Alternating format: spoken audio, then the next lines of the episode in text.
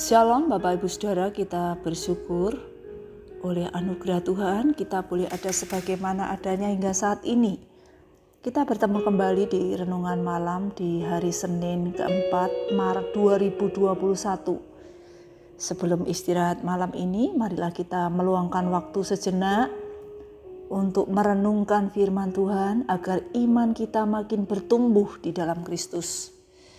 Dan menghasilkan buah seperti yang Tuhan kehendaki. Sebelumnya kita berdoa. Bapa yang di surga kami bersyukur Tuhan sudah menolong kami dalam menjalani kehidupan sepanjang hari ini.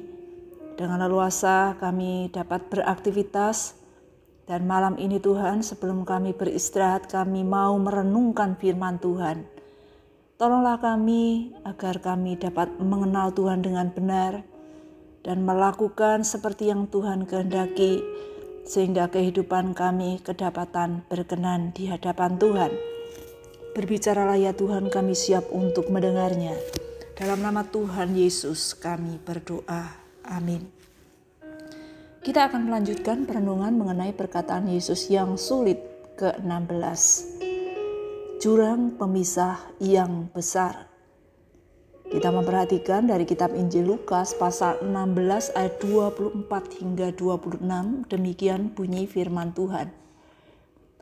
Lalu ia berseru katanya, Bapak Abraham kasihanilah aku. Suruhlah Lazarus supaya ia mencelupkan ujung jarinya ke dalam air dan menyejukkan lidahku. Sebab aku sangat kesakitan dalam nyala api ini.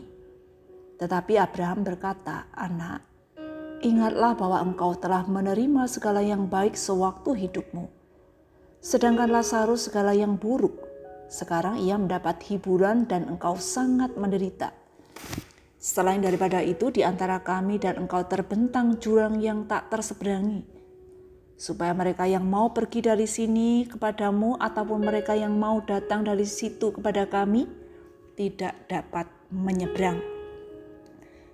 Allah telah menetapkan jurang pemisah antara surga dan neraka, sehingga tidak mungkin siapa pun dapat lewat untuk menyeberanginya.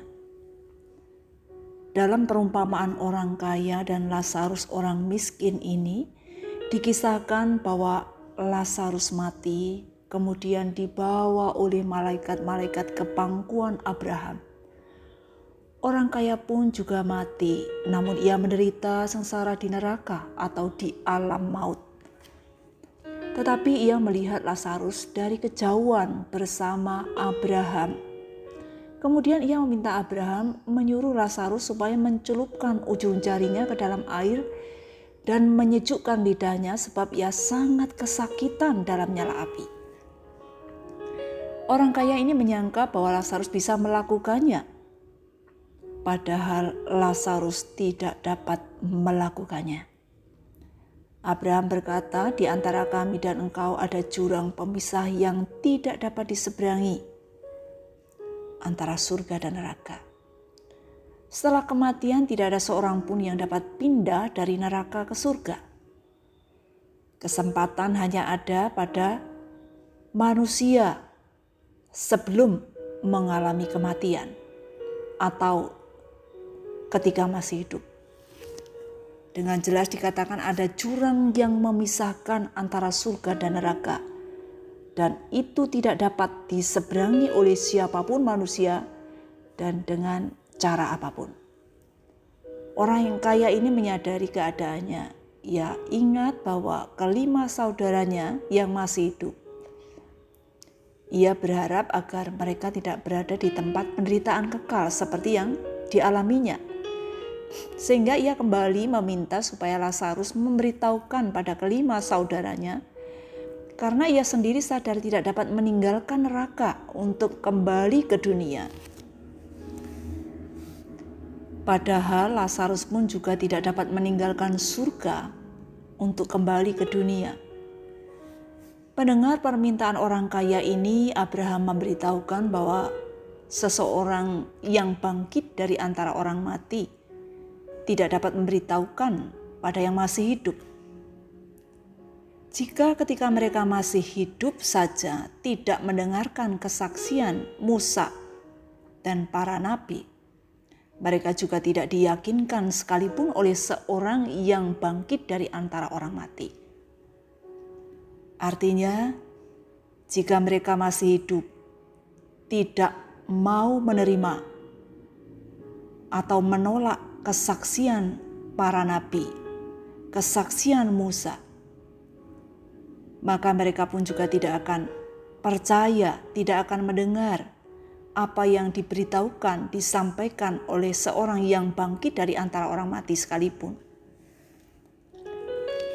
Dari kisah ini mengingatkan kita bahwa kesempatan untuk mengambil keputusan percaya kepada Yesus adalah ketika masih hidup di dalam dunia ini. Ingatlah, masih banyak sesama kita yang belum mendengar kabar keselamatan. Mungkin itu orang tua, mungkin itu suami atau istri, anak atau menantu, saudara yang lain, atau rekan kerja yang lain, atau tetangga, dan lain sebagainya. Kita yang sudah lebih dahulu percaya kepada Tuhan Yesus, marilah kita memberitahukan kabar sukacita itu Ingatlah bahwa mereka juga membutuhkan kabar keselamatan itu.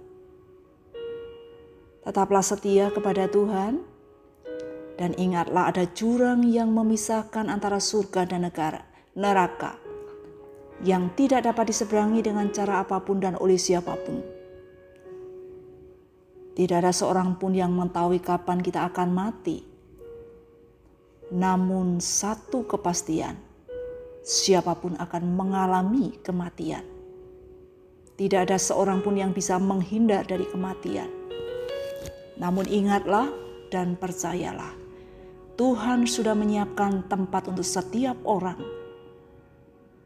Biarlah kita semua kedapatan berada di tempat yang sama, kelak bersama dengan Tuhan Yesus di surga.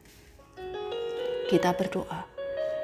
Bapa yang di surga kami bersyukur kami boleh mengenal Tuhan. Percaya kepada Tuhan Yesus sebagai juru selamat kami secara pribadi.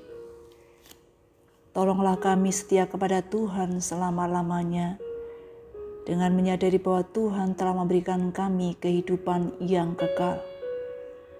Pakailah kami menjadi alat Tuhan untuk memberitakan kabar keselamatan pada sesama kami.